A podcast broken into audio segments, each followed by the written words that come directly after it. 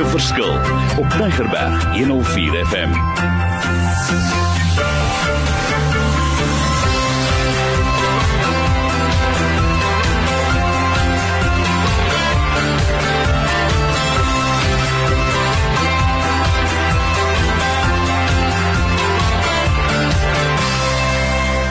Wonderlik, my naam is Mario Denton. Op die program gemaak 'n verskil in die lewe daar buite. Ek is positief, jy sal dit hoor, want ek weet waar my krag vandaan kom. Ek sien op my eie nie, die Here gee vir ons hierdie geleenthede en ook hierdie wonderlike radiostasie. In hierdie laaste sessie wil ek gesels weer oor hierdie pragtige onderwerp.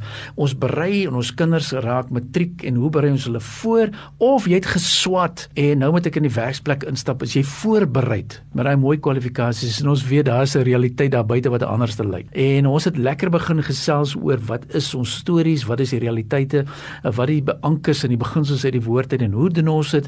Maar ek het vandag weer twee kosbare persone hier en hulle is 'n kombinasie. So Alicia en Erik, julle is pragtig, ek ken julle goed, julle is oulik, julle is mooi en julle werk baie met jong mense. So ek wil vir julle ook sê dis great dat julle hier is. So Alicia, ek gaan weer begin met jou van jou kan af iets wat jy wil sê terwyl ons begin met die program en dan Erik, ek gaan vir jou vra sluit aan. Wat wil jy sê? Wat wil jy vir ons oordra? Wat 'n boodskap het jy vir ons mense? Sjoe, Maria, mens kry nie 'n beter voorstelling nie. Jy moet my kom voorstel daar by Agrius Babbel ook.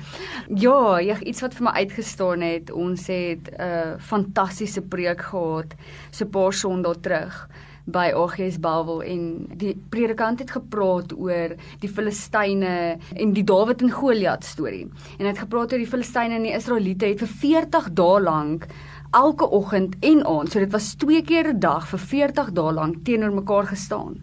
En elke liewe keer het Goliat sy uitdaging uitgeskree teen die Israeliete en gesê: "Kies iemand wat 'n twee geveg met my kan voer. As julle man daarin slaag om my dood te maak, sal ons julle slawe wees, maar as ek hom doodmaak, sal julle ons slawe wees."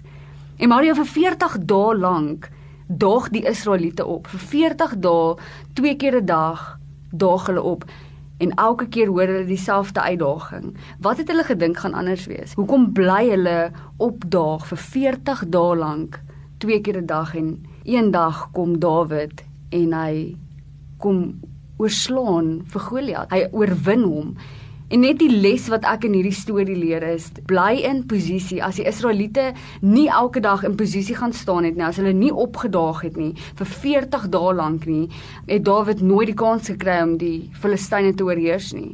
Dan was daar nie 'n Dawid en Goliat gebeurtenis in die Bybel nie. So maak nie saak hoe moeilik dit gaan nie. Ek wil regtig vir ons generasie daar buite sê maak nie saak hoe moeilik dit gaan nie of hoe onmoontlik omstandighede lyk nie. Maak seker jy bly in posisie sodat God kan kom doen wat hy nog heeltyd wou doen met hierdie generasie. Wonderlike gedagte. En Erik, hoe voel jy daaroor? Wil jy wou aansluit? Mario, ek sal graag by julle wil aansluit. Ek dink vir my die gedagte is wanneer ons praat oor die volgende generasie, moet ons klem sit op die tema van volgende. Ons praat oor die generasie, maar ons sit nooit klem op die volgende stap van hoe om hulle daar te kry nie. Ek dink vir my baie belangrik is om te sê dat potensiële ontwikkeling en identifikasie van van nuwe leierskap is so belangrik. Wanneer ons iemand identifiseer en ons ontwikkel hulle potensiaal, dan kan hulle eintlik daai learning and experience bymekaar sit want daar's twee komponente aan die lewe daar's een waar jy leer maar daar's een wat jy ook experience En ehm um, ek dink die ervaring is wat jy gebou het vanuit die kennis wat jy opgetel het. So ek hou van wat julle oor gesels. Daar is goeie gesprekke wat julle al losgemaak het in die die vorige reeks wat julle ook al doen, maar ehm um, ek dink soos Alisha ook gesê het, is ons moet in posisie staan en ons moet gereed wees om die volgende generasie so te kan lei. Nou kom ek herhaal gou want ons praat baie oor gereed. Is jy gereed? Kom ons vra daai vraag. Wat doen ek om gereed te wees? En daarom wil ek jy sê sê die proses wat ons gebruik 3 maande skryf in jy kry die materiaal jy werk dat deur ons gee vir jou leiding en uh, dit is praktiese dinge wat daar buite gedoen kan word. So asseblief raak betrokke maar ook vir ons ouers ek wil daai geleentheid weer herhaal. Ouerskap is iets wat ons afskeep. Ek voel altyd ongemaklik elke 5 jaar moet 'n ou gaan vir 'n lisensie maar jy kan 'n ouer wees en jy kan 20 30 jaar die pad loop en jy het nooit jou lisensie hernie nie. Dit sal hom lekker wees as ons 'n ouerskap lisensie kry vir elke 5 jaar. Hmm. Net om te kyk is jy nog fiks? Kan jy nog klas gee? Kan jy nog met jou kind onderrig gee? Want daar's so baie dinge wat jy kan gee vir jou kind. En juis wil ek vir julle sê wat daar buite sit. As jy belangstel in so 'n program, wees bold. Kom ek daag jou uit.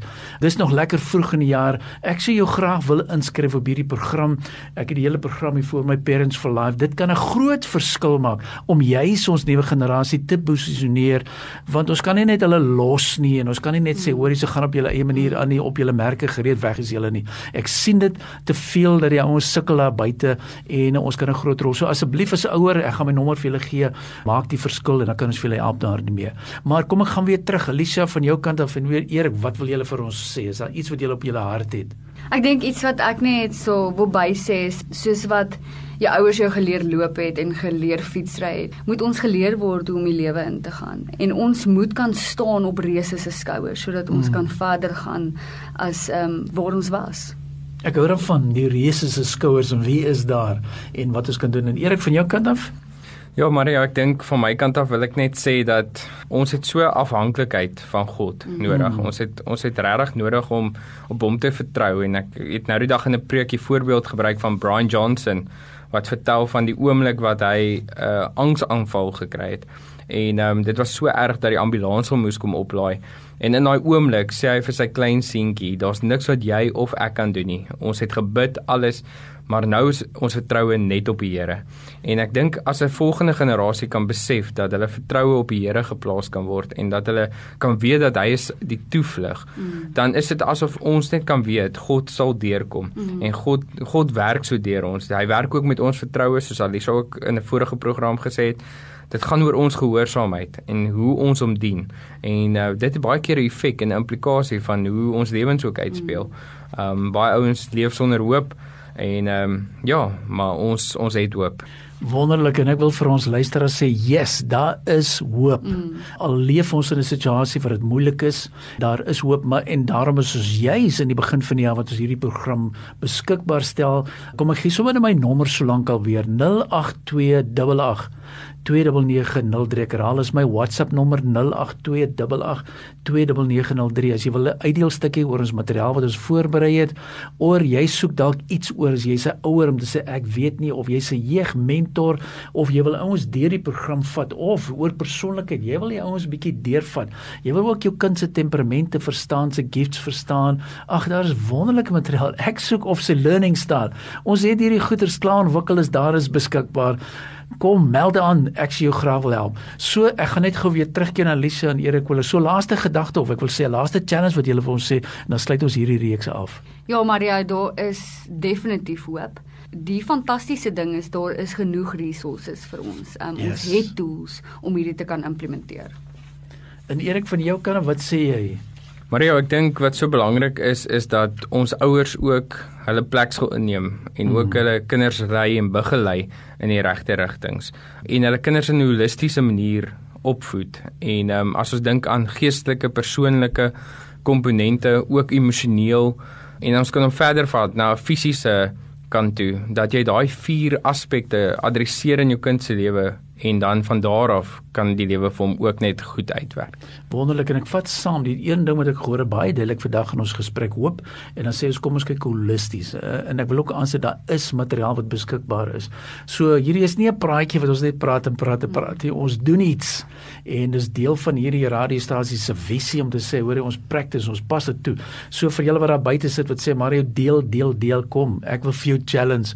Jy het my WhatsApp nommer 0828 2903. Skakel my en ek stuur dit vir jou aan. Ek deel maklik, maar daar is 'n voorwaarde. Jy moet toepas. Dit is great om te praat en te praat en te praat, maar as jy nodig het dit kon vir jou help of hierdie vraelyste of die evaluerings, ek sal graag vir jou wil help dan in die verband. So, Ek wil vir julle sê baie dankie vir ons luisteraars, julle wat daar buite sit. Asseblief kontak ons vir verdere inligting. Julle is altyd spesiaal. Ek het 'n passie vir ons jong mense. Ek voel ons moet dit begin die geleenthede skep en vir die reëse daar buite wat sê hoorie so Mario, dit is dalk nie meer van toepassing op my nie. Ek wil sê yes, dis juis van toepassing op jou. Mm. Uh, ons as ouers en ook grandparents het so 'n belangrike rol om te mm. speel. Daai rol moet ons ook weer opneem en dis 'n gesprek op 'n later stadium. So ek sluit af en ek sê yes, gemaak 'n verskil in lewe buite. Jy is tot alles in staat. Die Christus wat jou die krag gee en daar wil ek jou seën. Wees 'n blessing vir daai kinders. Vat hom druk hom vas soos nog nooit tevore nie. Al voel jy ook ek verstaan hom nie altyd nie. Staan op en vir jou as jong persoon, hey, gaan terug na jou vader se huis toe. As jy gefouteer het, sê vir hom, "Dad, ek is op pad terug en ek wil graag my verhouding met jou herstel." Ek doen dit baie. Ek toets altyd vir jong mense, hoe lyk jou verhouding met jou pa en ma? En dan gaan neem hom uit vir 'n funksie of 'n ete en gaan bless hom en en doen dit op 'n baie spesiale manier. So ek sluit af. Die Here seën jou. Gaan maak 'n verskil in die lewe daar buite.